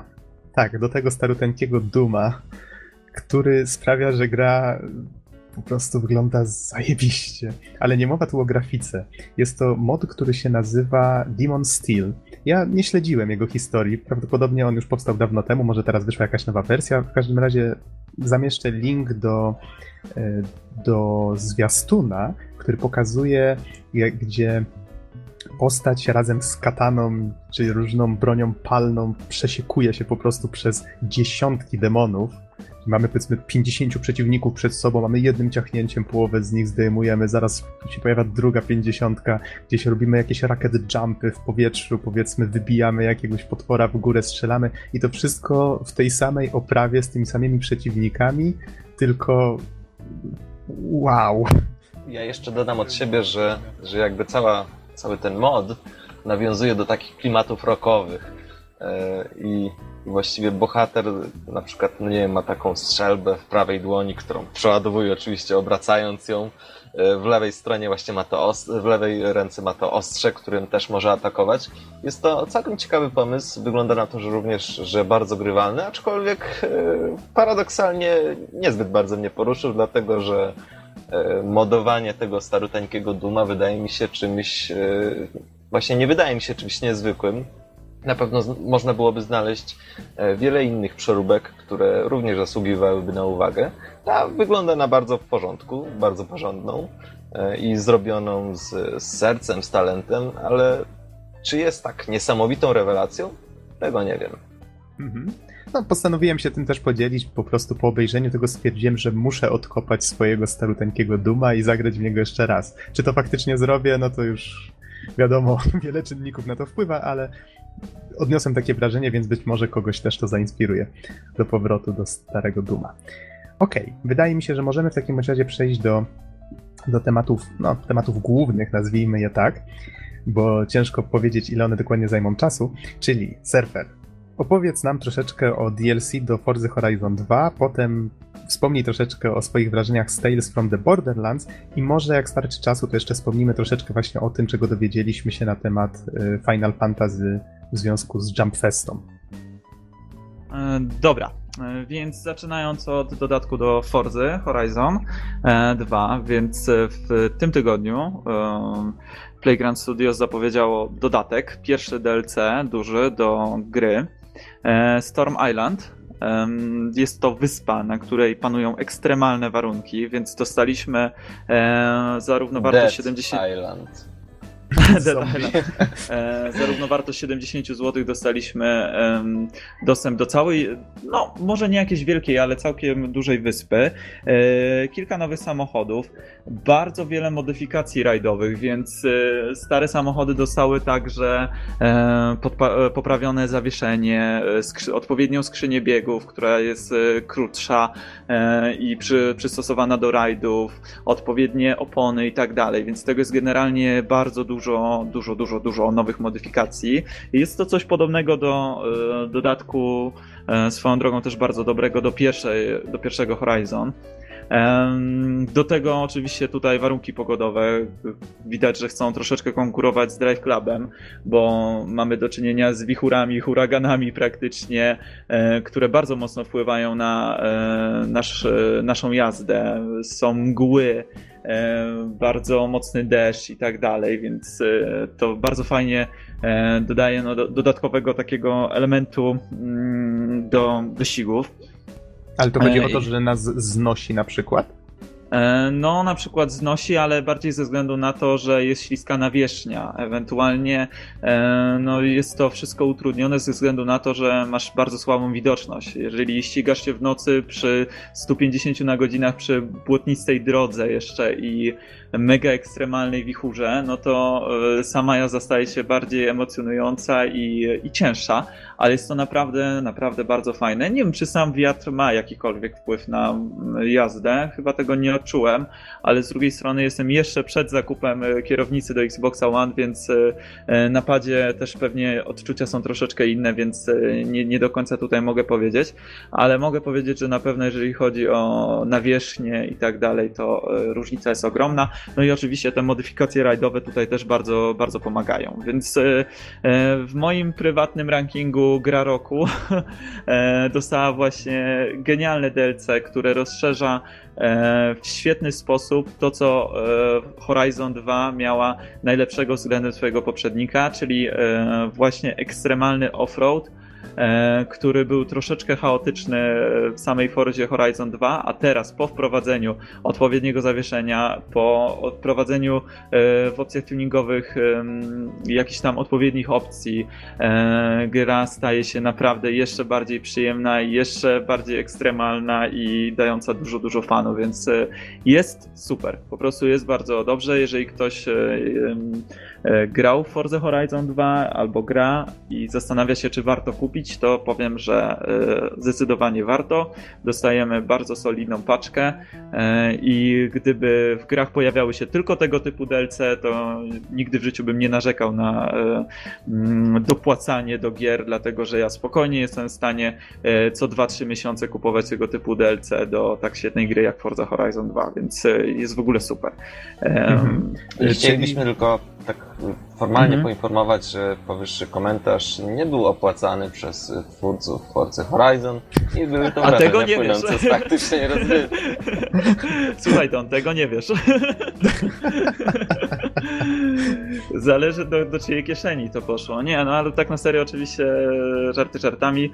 E, no ja jestem fanem serii od, od bardzo, bardzo dawna, to znaczy od czasów Forzy Motorsport 2. E, jeszcze na Xboxa 360, no a w Forzie Horizon pierwszej, e, no to się po prostu zakochałem. E, jest tylko jedna wada. Samo DLC, z tego co wiem, nie pojawiło się w wersji Forza Horizon 2 na Xboxa 360, więc tutaj mała uwaga dla ludzi, którzy chcieliby kupić tę grę z myślą o tym dodatku na przykład, ale jeszcze na starej generacji konsol, no to jest niestety niewykonalne z tego co wiem. Może się mylę, ale dlatego, że sam nie sprawdziłem, bo już swojego starego Xboxa 360 niestety nie mam, ale z tego co słyszałem, e, DLC jest tylko na Xboxa One. Mm, jakby co, to za tydzień sprostujemy. Mhm. A, a co do gier roku, to surfer nie spoiluj, przecież wiesz, będziemy mieli tu odcinek specjalny z rozdawaniem nagród, każdy Ale słuchaj, słuchaj, każdy gra, gram Dragon Age'a dwójkę, więc może, może no, Dragon może. Age dwójka będzie na przykład Chociaż nie, ty grasz trójkę teraz. E, w trójkę, przepraszam, tak, w, no, znaczy, w Inkwizycję, no to nie jest trójka, to jest Inkwizycja. Tak, e, oczywiście Dragon Age 3. No pamiętaj, rok się jeszcze nie skończył, tu wiele może się jeszcze zmienić. Powiem wam, mm. że ja po mm. zagraniu w Child of Light to naprawdę zacząłem się zastanawiać. No Ale może okay, jeszcze zagraj to... w Tetrisa od Ubisoftu. A czy pijesz do tego, co ostatnio było ogłoszone, że gra się tnie na konsoli? E, no tak, piję bardzo mocno do tego, że jeżeli chcesz pograć e, płynnego e, Tetrisa w stałej ilości klatek na sekundę bez zacinających się bez zacinającego się pada, że tak powiem, musisz wyłączyć bądź wykasować swoją listę znajomych, czyli odłączyć się albo od internetu, albo wykasować znajomych z tego co wiem, więc to taki side note odnośnie gier Ubisoftu. Ubisoft chce, żebyśmy się pozbyli znajomych. Ale okej, okay, no. nie schodząc już z tematu, to powiedz jest waszym znajomym. Nie potrzebujecie innych. No właśnie, właśnie, po co ci inni? Ładnie to ująłeś, no. Oni tak bardzo cię rozpieszczają na pewno. E, to w takim razie, Surfer, e, jeszcze jedno pytanie na, na koniec, tak? Już, bo skończyłeś opisywać e, DLC. No tak, bo nie chcę, nie chcę generalnie przynudzać znowu tym tematem, bo nie mhm. ma potrzeby. Wszyscy wiedzą, jak mocno jaram się serią i e, mogę powiedzieć tylko tyle, że jest tego jeszcze więcej, lepiej za naprawdę nieduże, uważam, rozsądne pieniądze. E, jeszcze o, tylko mogę dodać przy okazji, że jeżeli posiadacie VIP Pass e, do gry Forza Horizon 2, mm, e, to samo DLC możecie kupić za połowę ceny. Więc to jest też kolejna. Mhm, to chciałem tylko przypomnieć, mhm. DLC nazywa się Storm Island, wyszło 16 grudnia i ile kosztuje? Eee, wiesz co, dokładnej ceny ci nie. E, nie, mogę ci podać, sprawdzę na maila, bo powinienem mieć to na mailu. Wydaje mi się, że coś koło 70 zł. Mhm, tak, tak około. Okej, okay, myślę, że to. A... Chyba, że masz okazję tam sprawdzić w tej chwili, to, to możesz. 69,99. Okej. Okay. Tak, okay. więc jest to zdecydowanie warte i zdecydowanie polecam. Tak, i to dla, dla użytkowników Xboxa One. One, tak, ekskluzywnie. Dobrze, to przejdźmy w takim razie do Tales from the Borderlands i tutaj może od cioci Wikipedii tak troszeczkę sypnę informacjami, bo to jest gra, w którą, no jak to Telltale, można zagrać na PC, Macu, PS3, PS4, Vicie, Xboxie One, Xboxie 360, iOSie i Androidzie. E, znaczy, nie jestem pewien, czy te gry już pojawiły się na wszystkich platformach, bo tam... E z Też tego, co wiem, nie jestem pewien, ale chociaż nie, patrząc na wiki, tutaj są rozpisane poszczególne premiery, widzę, że jest dla PC, dla PlayStation jest, dla Xboxa tak, też ale on, jest. tam były różnice chyba jednego czy dwóch dni dla różnych platform. Tak, tak, różne mhm. różnice były, ale to był tak między listopadem a, a grudniem. U nas w Europie się ukazała na, z tego co widzę, a nie, na PC był to 25 listopada, a na przykład w Europie na PSN-ie pojawiło się 3 grudnia. Z kolei makowcy jeszcze muszą czekać. O, to może mm, tyle no z tych informacji. No właśnie, to powiedz, czym właściwie jest to Tales from the Borderlands? Bo dyskutowaliśmy troszeczkę przed podcastem i w sumie padło takie zdanie, że e, jeżeli grałeś w jedną grę od Telltales, to w sumie tak jakbyś pod względem mechaniki znał je wszystkie. Czy to faktycznie się mm, sprawdza? Znaczy, wiesz, może jakieś tam różnice w mechanice na przykład między The Wolf Among Us albo e, Gromotron są jakieś zauważalne dla kogoś, kto przeszedł wszystkie gry. E, ja niestety grałem tylko i wyłącznie kawałeczek w The Walking Dead, i kawałek w Grotron. No i przeszedłem teraz do Tales of From Borderlands, e, więc powiem Ci, że nie wiem, czy są jakieś większe różnice. No generalnie jest to point and click z domieszką quick time eventów, E, no bardzo mocno skupiający się oczywiście na fabule, bo tak na dobrą sprawę wiele tam grania nie ma. No w Tales from Borderlands pojawiło się troszeczkę strzelania, e, troszeczkę takich e, bardziej zręcznościowych elementów, właśnie quick time eventów do tego, ale wydaje mi się, że generalnie te wszystkie gry to, jest, to, to są dosyć podobne, więc generalnie chyba jeżeli ktoś grał w gry Telltale Games to chyba będzie wiedział o co chodzi. E, pytanie teraz, czy interesuje go w jakikolwiek sposób um, taka dodatkowa historia um, w świecie Borderlands, czy, czy nie. Mhm. A jeszcze nim przejdziemy do tej mhm. historii, mhm zaintrygowałeś mnie tym strzelaniem. To znaczy, na czym to polega? To jest w formie quick time eventów, czy faktycznie mamy jakiegoś FPS-a tu wbudowanego? Znaczy, z tego co dobrze pamiętam, to masz e, momenty, gdzie po prostu masz celowniczek, którym ruszasz i musisz wystrzelić w odpowiednim momencie. Czyli Aha, troszeczkę czyli... jak w takich e, starych grach automatowych. Ja nie pamiętam, jak okay. one się nazywają. Ten, e, ten, te gry, gdzie jedziesz po szynach, że tak powiem, i, i strzelasz do przeciwników. Rail, shooter na szynach. No, tak, rail tak, no shooter, właśnie, jakoś tak. Więc, więc coś podobnego jest tutaj, z tego co pamiętam. E, wiesz, oczywiście grałem już prawie miesiąc temu, więc e, moja pamięć mnie zawodzi, ale, ale to jest coś, coś właśnie takiego. Coś, coś, właśnie takiego, że masz e, troszeczkę też tego szalania. Oczywiście nie jakoś mhm. bardzo dużo, to jest. Mm, można powiedzieć, że są po prostu quick time, quick time eventy. Okej, okay, a teraz taka jedna rzecz, y, pytanie od osoby, która nie kojarzy. My graliśmy troszeczkę z Donem w pierwszego Borderlandsa. Wiem, że historia i lore właściwie tej serii dość mocno się rozbudował w dwójce. No tylko wspominałeś nam tutaj, jak chcieliśmy się troszeczkę dowiedzieć przed podcastem, że jest spory problem właśnie z przedstawieniem fabuły Tales from the Borderlands komuś, kto nie grał w dwójkę. Czy możesz troszeczkę powiedzieć dlaczego? E, przede wszystkim dlatego, że e, mamy tutaj dwójkę bohaterów. Oni są nowi zupełnie. Jednym z nich jest e, młody chłopak o imieniu Rhys. Jest to chłopak, który pracuje dla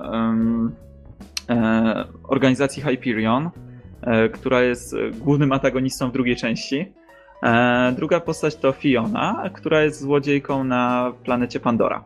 E, więc tutaj nie ma żadnych e, większych połączeń z fabułą dwójki, ale jeżeli już chcemy na przykład opowiedzieć kim właściwie jest Reese i jakie są jego zamiary, no to niestety już tutaj mocno spoilujemy zakończenie dwójki, więc troszeczkę ciężko mi jest na ten temat coś więcej powiedzieć, bo no, zdaję sobie z tego sprawę, że słuchają nas ludzie, którzy, którzy zapewne nie grali e, w poprzednie, znaczy mogli nie grać w poprzedniej części, więc nie chcę tutaj e, psuć im zabawę. No, Chociaż mało tego, mogę nawet współprowadzić z tą audycję. Właśnie, mogę współprowadzić audycję, ale to powiem wam, że nas tutaj, tutaj uderzę was obydwu w głowę, bo proszę się zabrać za Borderlands 2, bo to jest generalnie jedna z najlepszych gier poprzedniej generacji, e, która jest naprawdę świetna przede wszystkim w kopie i ma bardzo fajną, mm, chociaż dosyć płytką fabułę. A tutaj mamy e, troszeczkę inne podejście do tematu, bo nie mamy już e, czwórki głównych bohaterów, przepraszam, e, czwórka bohaterów była w dwójce tylko na samym początku, później doszły DLC. No ale nie mamy tych super bohaterów z jakimiś mocami i tak dalej, którzy są tacy badass i szukają jakichś tam skarbów. Mamy dwójkę raczej dosyć przeciętnych ludzi, młodych, którzy zostają wpętani w dosyć konkretną intrygę. E, więc jest to e, fajna, troszeczkę taka bardziej przyziemna historia, e, przez to te postacie stają się takie dużo bliższe osobie grającej. Myślę, że Telltale mhm. Games to, to już ma taki wypróbowany schematik. Zawsze są to osoby, z którymi łatwo się utożsamić. Tak, więc w ogóle yy, to jest, to jest świetna sprawa, bo yy, do tej pory Borderlands przede wszystkim dwójka to było taki masakryczny, no nie wiem, yy, przepych, jeżeli chodzi o idiotyczne poczucie humoru i takie bycie super wymiataczem i tak dalej, z jakimiś super umiejętnościami e, i granie postacią, która nikogo i niczego się nie boi, a tutaj nagle jesteśmy dwójką bezbronnych, e, no właściwie czwórką, ale dwójką bohaterów e, sterujemy e, na zmianę. E, dwójką bezbronnych praktycznie bohaterów, którzy są wplątani no, w naprawdę niezłe bagno, e, więc jest to, jest to fajne, jest to coś ciekawego, jest to coś nowego, coś co myślałem, że raczej w Borderlands Borderlandsach się średnio sprawdzi, a wychodzi na to, że, e, że wyszło to naprawdę super. Mm, e, więc jeżeli miałbym komuś polecić, kto nie zna serii, to przede wszystkim polecałbym zagrać dwójkę. E, jedynka mnie osobiście troszeczkę odepchnęła, chociaż też e, znam ludzi, którzy, którzy bardzo lubią pierwszą część, ale przede wszystkim zagrać dwójkę, zapoznać się z historią dwójki i zasiąść do tej strony Borderlands, bo naprawdę jest fajnie. Poczucie humoru jest naprawdę świetne i to jest coś, co nie, nie zdarzyło mi się z czymś takim spotkać już od bardzo wielu miesięcy, a może nawet lat, żebym głośno śmiał się przy jakiejkolwiek formie rozrywki, czy to grach, czy filmie, czy czymkolwiek innym. Tutaj naprawdę były takie momenty, e, że głośno zaczynałem się śmiać i, i to było po prostu rewelacyjne. Więc e, gra ma świetne poczucie humoru, fajne postacie, z którymi bardzo szybko potrafimy się utożsamić i które są naprawdę ciekawe. No i do tego całkiem, całkiem przyjemną i intrygującą fabułę. Mm, więc nie wiem, co mogę więcej powiedzieć. Po prostu, jeżeli ktoś ma okazję, to warto zdecydowanie kupić i według mnie to jest w ogóle najlepsze najlepsza gra e, tej, tej, z którą się spotkałem. E, no i co? No i tyle chyba. Mhm. A to mam w takim razie pytanie. Mhm. E, tutaj może jeszcze przypomnę, że Telltale wydaje swoje gry w epizodach i mówimy tutaj o pierwszym epizodzie, drugi ma tak. być w styczniu, a łącznie ma być ich pięć. Zgadza się. A jeszcze takie pytanko e, mi się zrodziło. Wspominałeś, że łącznie ta e ekipa bohaterów się rozrośnie do czterech. Nie wiem, czy chcesz tutaj mm -hmm. rozwinąć tę myśl, ale słyszałem, że mm -hmm. powracają bohaterowie znani z dwójki. To prawda? Mm, tak, e, właściwie fabuła, e, fabule bardzo mocną rolę odgrywa jeden z głównych bohaterów czwórki, czyli Zero. E, jest to taki assassin, więc jest tutaj jedną z ważniejszych postaci, ale to też nie chciałbym e, nic więcej na ten temat mówić, poza tym, że się pojawia. Wiadomo, że się pojawia, okay. bo sama nazwa epizodu i obrazek e, epizodu wskazują na to, ale generalnie chciałbym już na ten temat więcej nic nie mówić. A mamy czwórkę głównych bohaterów, dlatego że oprócz Risa i Fiony jest siostra Fiony. Ona się nazywa Sasha a jest jeszcze najlepszy przyjaciel um, Risa, um, Von, E, który generalnie jest takim typowym nerdem, który niewiele sobie, nie, nie, radzi sobie z czymkolwiek, czy to z kontaktami z ludźmi, czy w jakichkolwiek ekstremalnych sytuacjach, ale za to jest bardzo przydatny, jeżeli chodzi o, nie wiem, załatwienie 100 e, milionów e, kredytów na koncie głównego bohatera, czy coś takiego, więc okay. są tutaj takie też ekstremalne sytuacje, bardzo śmieszne, więc generalnie historia obraca się wokół czterech głównych postaci, z czego e, my kierujemy dwójką. No okej. Okay. Czy Don, masz jakieś pytania do surfera? Właściwie nie. Okej. Okay. Czyli mówiąc krótko, polecasz. A, a jeszcze oczywiście, oczywiście. wspomniałeś, mhm. że jest to najlepsza gra Telltale, w jaką grałeś. A przypomnij, mówiłeś, że grałeś do tej pory w The Walking Dead? E. Pierwsze e... czy drugie? Pierwsze, The Walking Dead yy, i grałem w Grotron. Aha, czyli. Więc ta gra o Tron to też jest e, coś takiego nowego. O tym mhm. E, e, mogę przy najbliższej okazji opowiedzieć troszeczkę więcej.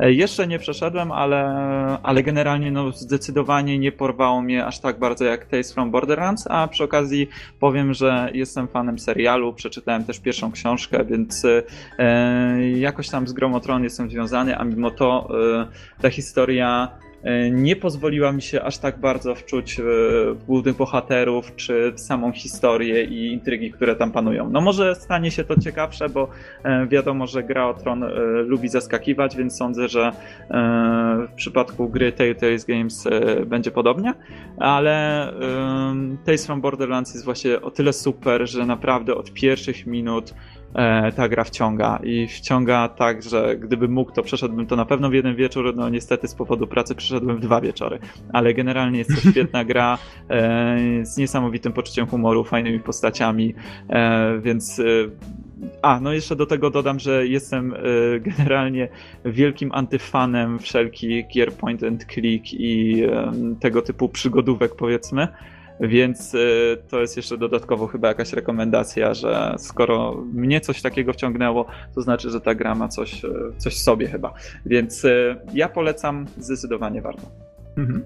A powiem tylko, dlaczego zadałem takie pytanie, no bo jednak ten katalog Telltale to się coraz bardziej rozrasta i są tam marki, które, no cóż, trafiają, tak jak wspomniałeś, do ludzi o zupełnie różnych zainteresowaniach, prawda? Jest tego coraz więcej. Oczywiście, I, oczywiście, i tak. zombie, i teraz już science fiction, tak? Inne tego typu rzeczy. Tak, tylko że do tej pory mieliśmy chyba troszeczkę bardziej e, poważne te historie, z tego co wiem. No, The Walking Dead mhm. raczej, raczej jest dosyć poważne, z tego co wiem.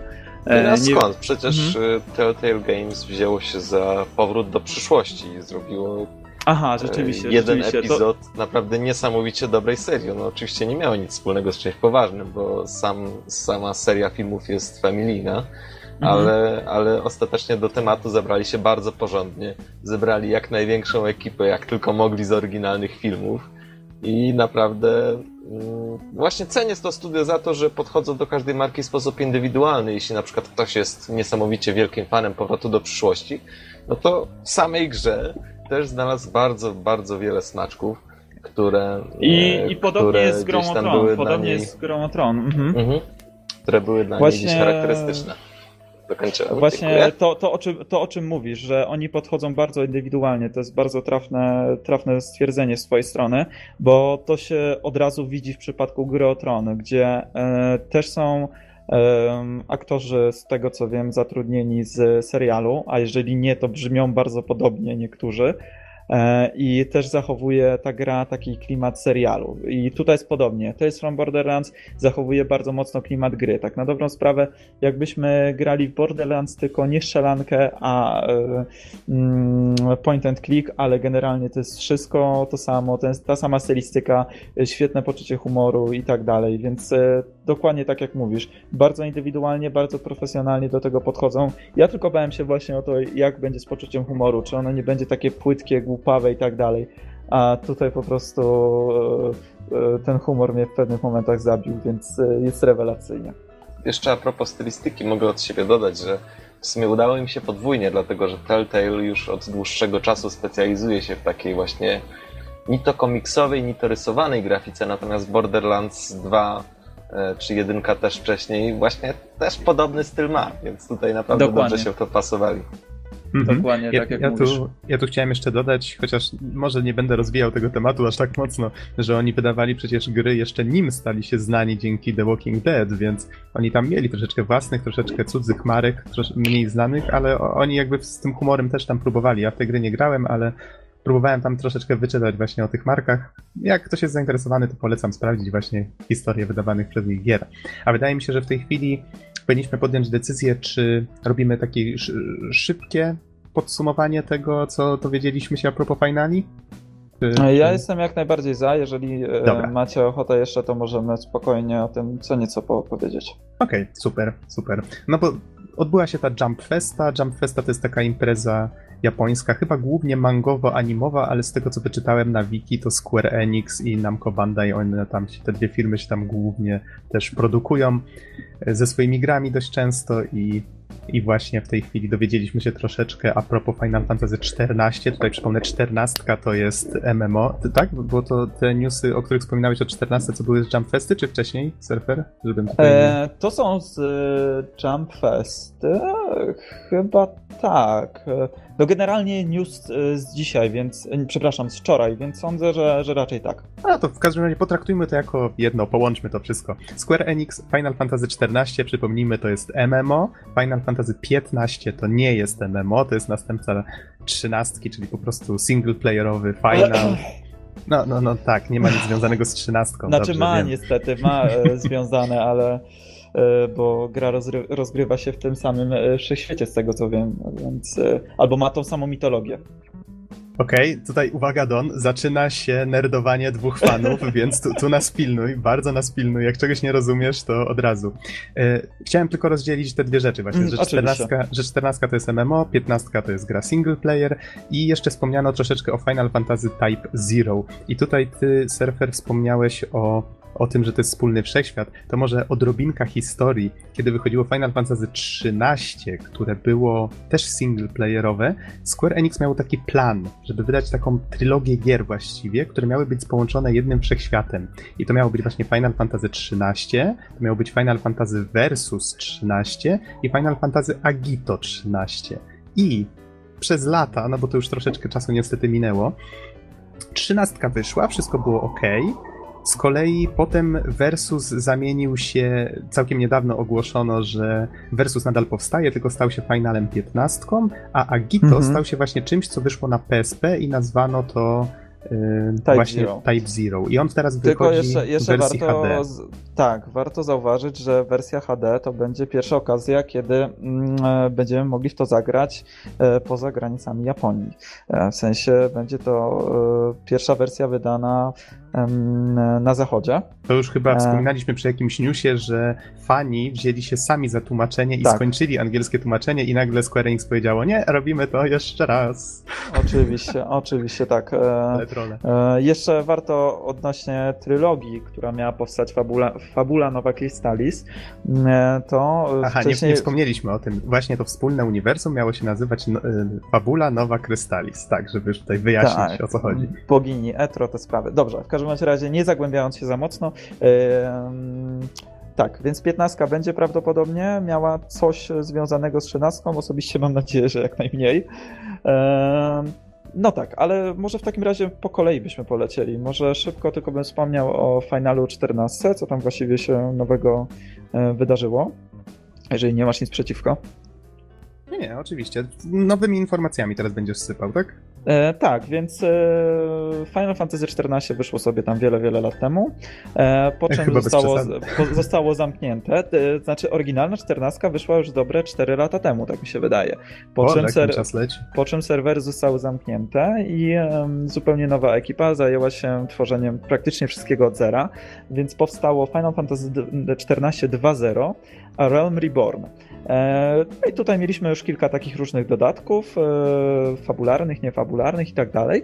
E, No i jakiś czas temu został zapowiedziany dodatek o numerku 3.0 e, Heavensward, e, który będzie wprowadzał e, kilka nowych klas, e, nową rasę, e, oczywiście dalszą część fabuły, no i e, kilka tam nowych elementów.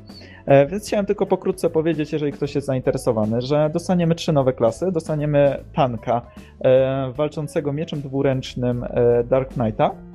E, dostaniemy em, em, drugą nową klasę i tutaj nie mam pojęcia jak to wypowiedzieć. Astrologian prawdopodobnie. Będzie to klasa lecząca, walcząca e, kartami. Może po prostu Mm. astrolog. Prawdopodobnie tak. Mm, No i e, machinist walczący e, bronią palną DPS, więc to jest też całkiem, całkiem ciekawa sprawa. Do tego dostaniemy nową rasę, Aura, która wygląda dosyć koreańsko. Aczkolwiek ufam, że... Rozwij myśl. E, rozwij myśl. Chyba będziemy musieli w takim razie wrzucić gdzieś link do e, obrazku, bo generalnie mm, jest dosyć duża różnica w stylistyce e, gier i postaci japońskich, a koreańskich. Koreańskie są troszeczkę takie no nie wiem, bardziej słodkie loli i tak dalej i tak troszeczkę więcej mają podkrywane. Szczególnie to widać e, na przykład porównując Terę do Final Fantasy XIV. Final Fantasy XIV postacie są raczej e, porządnie ubrane, mają fajne stroje, ale takie praktyczne dosyć, czyli magowie mają te długie szaty, wojownicy mają raczej e, pełne zbroje płytowe i tak dalej. No a w Terze wygląda to zupełnie inaczej. Masz Tutaj... na myśli stanik plus 10 do magii. E, tak, stanik, full plate armor, e, w ogóle legendary i tak dalej. Więc e, tak to niestety wygląda. Tutaj te, postacie kobiece wyglądają tak bardziej słodko jak elfki z e, na przykład Lineage 2. E, więc mają jakieś tam swoje krótkie kiecki i tak dalej, ale generalnie wygląda to nawet, jest to zrobione tak ze smakiem, że tak powiem, więc e, ufam, że tutaj stylistyka nadal zostanie zachowana, która jest bardzo, bardzo fajna w Aron Reborn. No i jeszcze dodam e, na szybko, że będzie dostępna walka z nowym Samonem, czyli z Aleksandrem. I będzie nowy utwór główny który będzie tworzony przez pana Nobuo Uematsu. No, to, to znane nazwisko, tak. Tak, to znane niektórym nazwisko, zapewne kilku osobom e, się obiło o uszy, a jeżeli nie, to proszę sobie wyszukać, co to jest za e, pan. No i do tego oczywiście zapowiedzieli edycję kolekcjonerską z e, kilkoma tam rzeczami dodatkowymi do osiągnięcia, z figurką i tak dalej, i tak dalej. Wygląda to bardzo, bardzo przyjemnie, sympatycznie. No i to uważam, że taki króciutki kącik w Around Reborn możemy zakończyć. A to, to w takim razie, mhm. Serper, takie jedno pytanko. Z twojej perspektywy tak, pytam jako osoba, która nigdy w Final Fantasy XIV nie grała, powiedz mm -hmm. mi, czy to faktycznie w jakiś ciekawy sposób wpłynie na, na grę, te wszystkie zmiany, które wymieniłeś tu szczegółowo? Ale tak ogólnikowo e, powiedz. tak, wydaje mi się, że jak najbardziej, dlatego że no, nowa rasa to wiadomo, że wszyscy się rzucą, będą chcieli zobaczyć, e, jakie są opcje e, kustomizacji postaci i tak dalej. Oczywiście tworzenie postaci w 14 jest bardzo przyjemne i fajne, więc sam bym chętnie to wypróbował. E, trzy nowe klasy na pewno wprowadzą też e, dużą różnorodność, e, więc powiem Ci, że ta gra bardzo fajnie i dynamicznie się rozwija. Tutaj troszeczkę tego endgame'owego kontentu było mało na początku, teraz jest Czyli go tutaj, już jeżeli ktoś, nie jest, mhm. jeżeli ktoś nie jest zaznajomiony z pojęciem endgame w MMO, chodzi o rzeczy, które można robić, gdy się osiągnie już najwyższy poziom doświadczenia. Tak, tak, czyli farmienie jakichś lepszych broni, zbroi i tak dalej. Więc tutaj na pewno będzie duża różnorodność wprowadzona. A od siebie jeszcze tylko mogę dodać, że e, też jakimś wielkim fanem MMO nie jestem, a przy 14 R&B Born bawiłem się naprawdę świetnie i uważam, że jest to jeden z najfajniejszych MMO ostatnich lat. Powiem więcej, jest to jeden z najfajniejszych RPGów ostatnich lat, biorąc pod uwagę e, linię fabularną, muzykę czy postacie wykreowane, więc to jest też coś niesamowitego, bo to nie jest um, tak jak w WoWie, że wyskakują ci um, okienka, które przeklikujesz szybko i masz i zabić 10 wilczków, tylko masz naprawdę fajne questy fabularne, masz dużo scenek fabularnych i udało mi się nawet wciągnąć tę grę osobę, która naprawdę zapierała się wszelkimi kończynami przed graniem w MMO, e, która naprawdę nie znosi tego gatunku, a siedziała długimi dniami i nocami, więc e, gra ma niesamowitą magię, przyciąga to taka szybka minirecka mi wreszcie wyszła, ale naprawdę, naprawdę warto zagrać, warto się zainteresować. Jeszcze inna rzecz. Można dwa tygodnie za darmo pograć, wypróbować grę od kilku dni, więc tutaj też serdecznie polecam. Jeżeli ktoś nie grał, a chciałby spróbować, to wersję na PC można wypróbować zupełnie za darmo przez dwa tygodnie. Uważam, że wiele osób może się zakochać, które, które nie grają na co dzień w MMA. Wersję PC-ową, tak? E, tak, wersję PC-ową. Z tego co wiem, nie obejmuje o, surfer, to... właśnie wkopałeś mnie strasznie. Why? Czyli wesołych, wesołych dwóch tygodni ci życzę. Ale to słuchaj, to może wkopałem też i siebie, bo skoro ty będziesz grał, to może ja. Nie, nie, nie, jeszcze nie powiedziałem, abonament. że będę. Jeszcze nie powiedziałem, że będę, ale bardzo kusząca propozycja. Yy, tak, to po, po, poza podcastem się dogadamy. Okej. Okay. No dobrze, no dobrze. E, a, jeszcze tak jak wspomniałeś o tych cutscenkach, to tak sobie pomyślałem, aha, czyli tutaj nie masz okienka, które ci mówi idź zabić 10 wilczków, tylko masz 10-minutową cutscenkę, która ci mówi idź zabić 10 wilczków. Dokładnie tak, dokładnie tak, ale powiem ci, że e, pewne postacie poboczne, wykreowane w 14, to są w ogóle e, moje ulubione postacie z całej serii Final Fantasy, więc w ogóle udało się stworzyć coś e, niesamowitego, jeżeli chodzi o MMO, bo z jednej strony jest ono bardzo mocno story-driven i napędzane fabułą i tymi postaciami i zaczyna ci zależeć na tym e, świecie i tych postaciach, a z drugiej strony masz bardzo fajny, przystępny gameplay, który jest niesamowicie ciekawy, więc nawet jeżeli nie masz ochoty siedzieć, farmić e, tygodniami e, super nowej broni, to możesz sobie wykupić e, abonament na miesiąc wraz z grą. Sądzę, że to nie będzie jakieś super drogie. Przejść grę jak każdą normalną inną grę RPG i sądzę, że też się będziesz świetnie bawił. Mm -hmm. Ale przejdźmy już może dalej, bo czas mm -hmm. nas goni. Jeszcze chcieliśmy wspomnieć o Final Fantasy XV, czyli już o single-playerowej grze i jeszcze o, nie wiem, czy o Type Zero, Chyba, nie wiem, ty grałeś chyba o, chyba o Type Zero e, nie ma generalnie co więcej powiedzieć tak naprawdę, poza tym, że... Ogłoszono kolekcjonerkę. Aha, no to jeżeli Ogłoszono masz kolekcjonerkę, tutaj, tutaj jakiś news... Mhm. To znaczy, ja nie mam szczególnie newsa, mogę odesłać za to na Inner World, gdzie pojawił się wczoraj wpis o tym, że e, Final Fantasy Type Zero HD jest już w planie wydawniczym firmy Senega. Można tam sobie znaleźć właśnie spis tego, co będzie w tej kolekcjonerce. Tutaj widzę, że jest Steelbook, jest dostęp, dostęp właśnie do dema Final Fantasy XV, to jest coś, co też na pewno wiele osób zainteresuje. No i będzie to ograniczone dosyć mocno, dlatego że e, tyczy się to tylko e, pierwszego rzutu tych gier, czyli już generalnie jak kupicie po premierze, to prawdopodobnie to demo nie będzie dołączone. A tego akurat nie wiem, ale widzę, że tu jest jeszcze CD z utworami, jest jeszcze artbook i tak dalej, i tak dalej. To odsyłam do newsa. Więc y, pokazano tą kolekcjonerkę właśnie chyba też na panelu, który A wiadomo jaka będzie cena tej kolekcjonerki? E, tutaj już patrzę szybko w newsie, ale chyba chyba nie. To wiesz co, to mhm. w takim razie, e, jeżeli nie mamy nic więcej na temat Type Zero do dodania, to może opowiedz troszeczkę o Final Fantasy XV. Jeszcze spróbuję gdzieś tutaj sprawdzić, czy nie ma ceny. E, dobrze, więc Final Fantasy XV, nazwane wcześniej Final Fantasy Versus 13, była to część e, fabula Nowa Crystallis, o której wspominaliśmy kilka minut wcześniej. E, gra została zapowiedziana w 2006 roku na E3 i tutaj dla osób, które nie są w temacie, tak, nie pomyliłem się, nie, muszy, nie musicie czyścić uszu, to było w 2016 roku, więc ponad 8 lat temu.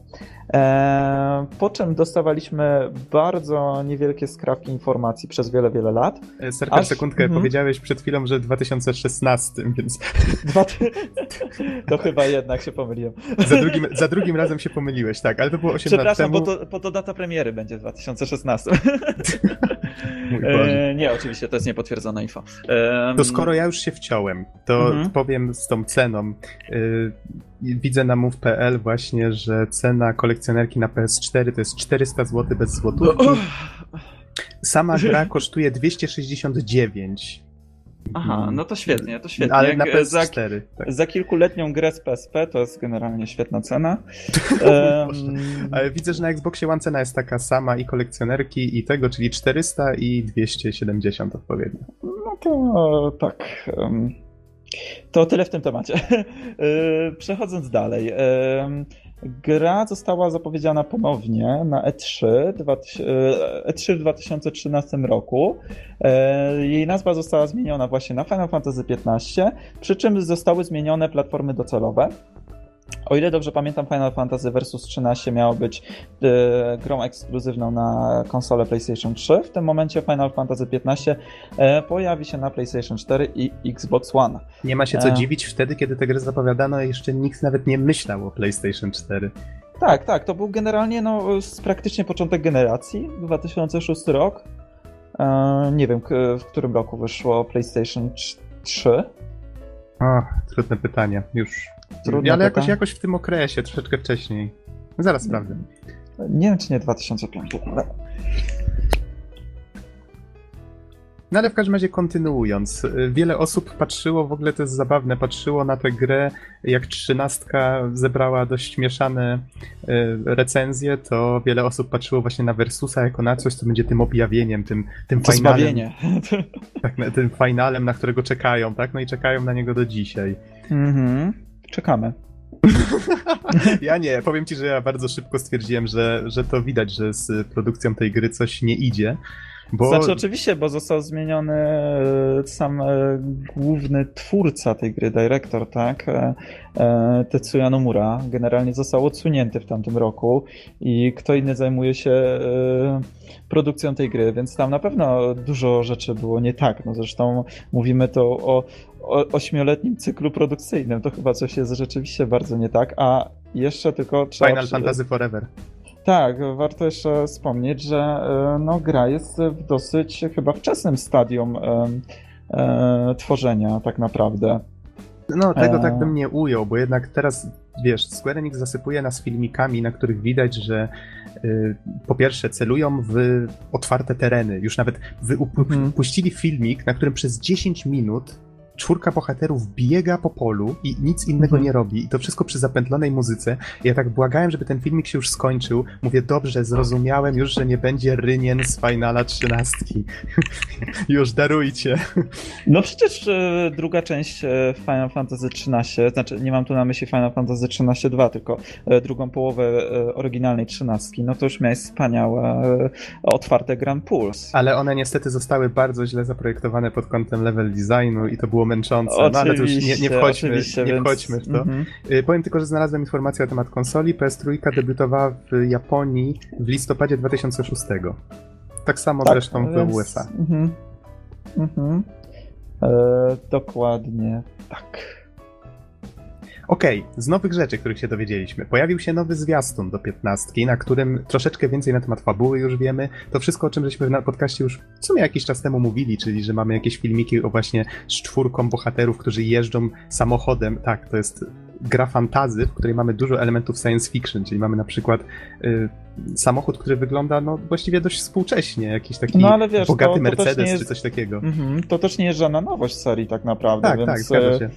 Mm, e, też nie jest to dla mnie nic niezwykłego, prawda? Niektórzy ludzie się oburzali z tego powodu, ale. Mhm. Ale to już może nie wnikając w ten Mhm. temat, kończąc myśl a propos fabuły, mówiliśmy o tym właśnie, że mamy tych bohaterów, że oni jeżdżą sobie tym autem, to były jakieś takie dema technologiczne czy coś takiego, ludzie się z tego trochę śmiali, bo w sumie nic więcej nie pokazywano. Teraz już wiemy, że chodzi o to, że y, mamy, w tym aucie siedzi książę i jego obstawa. Oni nie mogą wrócić do, y, do stolicy, z której wyjechali, no nie wiadomo w jakim celu, być może chcieli powiedzmy uciec sobie, zrobić dzień wolnego, ponieważ stolica została zaatakowana przez wrogie siły, zostało tam, władza została przejęta właśnie przez kogoś innego i oni w tej chwili są na, na czymś w rodzaju wygnania. przez właśnie złe tak. imperium. Tak, złe imperium. Tak, tutaj mniej więcej się cała ta fabuła wokół tego kręci. Z kolei Mhm. jeszcze na zwiastunie do, poznaliśmy nową postać, a tutaj jak już mogliście wywnioskować z naszych wcześniejszych rozkmin, to jednak postacie to jest coś bardzo istotnego w w finalach. Ludzie pamiętają te postacie i, i potem, nie wiem, piszą fanfiki, czy tworzą setki różnych innych fanartów. E, W tym przypadku poznaliśmy postać, która no cóż, w każdej części Final Fantasy musi być postać, która się nazywa Seed. I to jest o tyle ciekawe, że po raz pierwszy postanowiono ochrzcić tym imieniem kobietę. Jest to postać właśnie, która się będzie nazywała Sydney, będzie mechanikiem. No i cóż, no to jest taka w sumie ciekawostka, którą poznajemy z, z tego zwiastuna i jedyna rzecz, która tak troszeczkę mnie męczy, to to, że jednak potraktowano tę postać tak dość mocno seksistowsko na zasadzie, no widać, że ona ma świecić dekoltem. Nie wiem, czy coś więcej jednak ta postać wniesie do tej gry, no ale... Prawdopodobnie nie, bo z tego co wiem, e, będzie to postać e, niekoniecznie ważna dla fabuły, więc e, Będzie raczej- naprawiała nam ten samochód, który jest taki Mhm, istotny, nie? tak, więc prawdopodobnie tutaj niczego cudownego bym się nie spodziewał, ale odnośnie tego designu postaci są różne opinie. E, oczywiście może troszeczkę w pewnych względach przegięli, ale uważam, że wcale nie jest taki zły. To znaczy mieliśmy gorsze w serii. Chociażby Final Fantasy XIII 2 e, kobietę przebraną za Chocobossa, no więc... e, Czokolina? No Kamal Tak. była bardzo zabawna. Okej, Dobra, okej, wiecie to- co, ja muszę lecieć, e, to ten, to do usłyszenia za kiedyś. Nie no, no, to, naprawdę, to, chyba, to chyba mamy troszeczkę inne poczucie humoru. To, to, był joke. Nie, rozumiem, rozumiem. Tak, ale widzisz o co mi chodzi, że generalnie nawet jeżeli komuś ona się nie podoba z jakiegoś powodu, e, no to i tak uważam, że nie jest to najniżej jak Square upadło, jeżeli chodzi o design postaci. Według mnie jest całkiem nie najgorsze. Mhm. E, pokazano poza tym w tym zwiastunie dość wielkiego przeciwnika. To jest w sumie bardzo duże niedomówienie, bo się na ekranie nie mieści. Ale... Mieści się jego stopa. Mieści się jego stopa, tak, dokładnie, więc będą duzi bossowie. To, to można uznać za potwierdzoną informację. Jeszcze tutaj warto dodać, że e, jest to Tytan, znany z wielu innych części, Summon, e, który będzie grywalny. Co to znaczy, że będzie grywalny? To znaczy, po pokonaniu go albo dostaniu w jakiś inny sposób, będziemy mogli przejąć nad nim kontrolę i on będzie dokładnie w takiej samej skali, w jakiej jest, jak z nim walczymy. Czyli generalnie e, nie pytaj mnie, w jaki sposób to będzie działać, ale to jest potwierdzone info, że to będzie jeden z summonów, e, które będziemy mogli przyz, przyzwać i, e, i prawdopodobnie nim kierować i będzie dokładnie prezentował te same wymiary. Okej, okay, to jest całkiem spora bomba na zakończenie tego podcastu, bo wydaje mi się, że powoli powinniśmy już kończyć. E, powiedz mi, czy są jeszcze jakieś informacje właśnie związane z Finalem 15, czy z którymkolwiek Finalem, o których nie wspomnieliśmy, o których powinniśmy wspomnieć? No bo oczywiście, tam pokazywano jeszcze na tym panelu, powiedzmy, jak wyglądają miasta. Tak, ale to graficznie. widzisz, to jest ważna rzecz, bo w 13 Aha. nie było miast a tutaj mamy miasta w HD, udało się, więc e, to jest, to jest też ważna rzecz. To znaczy inaczej, w 13 to wszystko były nowe lokacje, gdzie poruszaliśmy się na zasadzie od A do B i poznasz cutscenkę, która zaprowadzi cię do kolejnej liteczki. Tak Oczywiście, tak ale praktycznie nie było żadnych interakcji z NPK-ami, nie było sklepów normalnych, więc e, e, no wiesz, nie było jako takich miast e, jak w innych finalach czy RPGach. Mhm. No tak, Były to tutaj rynien... się pochwalono. Ładne rynienki, tak. Tutaj rynienki. się pochwalono i zrobiono to w ciekawy sposób, bo nazwano to dog cam, czyli przyczepiono kamerę do psa, pieskiem mhm. latano po mieście i pokazywano, że mają miasto i że jest duże, rozbudowane, jest mnóstwo alejek, targów i innych takich rzeczy. Tak. No, czyli innymi słowy, Square poważnie traktuje fanów tej gry chce, żeby byli zadowoleni. To, co. Eee, poważnie. To znaczy in, inaczej. Chciałem przez to powiedzieć, że posłuchali, co się fanom nie podobało w trzynastce, mhm. próbują to naprawić w piętnastce i przyjemnie, że nawet wiedząc, że ta gra nie jest gotowa, no to jest coś, co zachodni deweloperzy robią ogólnie, że okej, okay, gra jest niegotowa, ale my pokażemy, co mamy i powiemy, mhm. że to jest niegotowe. Ludzie to zrozumieją. W Japonii troszeczkę inaczej się podchodzi do takich spraw mhm. i Japończycy, dopóki coś nie jest gotowe, to tego nie pokazują. W tej chwili widać, że trochę się ta filozofia... Mentalność, mentalność tak, zmienia. trochę się to tak. zmienia, dokładnie. To fakt. No i pokazują, żeby ludzie zobaczyli mniej więcej czego się spodziewać. No to jest, to jest miłe trochę. Ale gra jest piękna stylistycznie, według mnie. Naprawdę mi się podoba e, świat, który tutaj przedstawiają. E, do tego jest całkiem ładna muzyka, mimo tego, że ja nie jestem wielkim fanem e, Yoko Shimomury, która jest odpowiedzialna za soundtrack m.in. z Kingdom Hearts i tutaj e, fani zapewne już będą szykować dla mnie stos. E, no nie, nie jestem jakimś wielkim fanem jej soundtracków, ale tutaj te utwory są bardzo przyjemne. Zresztą sam mówiłeś, że nuciłeś e, jeszcze przed podcastem motyw muzyczny z piętnastki. Jakbyś go 10 minut słuchał w kółko. Wierz mi, że trochę dłużej go słuchałem w kółko. Okej, okay. ale ładny jest, tak. Ale ładny jest, to naprawdę ładny, więc więc polecam posłuchać, chyba polecamy nawet. Więc y, ja trzymam kciuki. O ile nie znoszę Square za chociażby sytuację z Final Fantasy VII, a może o tym opowiemy innym razem. E, w każdym razie bardzo mi się nie podoba polityka tej firmy w ostatnim czasie, ale tutaj mam duże nadzieje i mam nadzieję, że się nie zawiodę. Okej, okay, to teraz y, Don, czy jeszcze żyjesz? Bawcie się dobrze. nie powaliliśmy Dona jeszcze na śmierć naszym. Czy masz jakieś pytania, Don? O właśnie. Kącik nerdowni, tak. Tak, mnóstwo. Obawiam się, że będą musiały poczekać na następny odcinek. Tak, troszeczkę nam się tutaj już to przedłuża. Tak, ale wydaje mi się, że powiedzieliśmy już dość. Wszystko, co żeśmy zaplanowali, więc cudownie. Słuchajcie, czas najwyższy na to, żeby życzyć naszym słuchaczom po raz kolejny e, udanych, spokojnych świąt Bożego Narodzenia. Myślę, że przed Nowym Rokiem jeszcze zdążymy Wam życzyć szczęśliwego Nowego Roku, więc o, o to jesteśmy raczej spokojni. E, no, przynajmniej taką mam nadzieję. Tak więc jeszcze raz wesołych świąt i dziękujemy Wam bardzo za uwagę. Do usłyszenia w następnym odcinku. Trzymajcie się. Cześć. Trzymajcie się, cześć.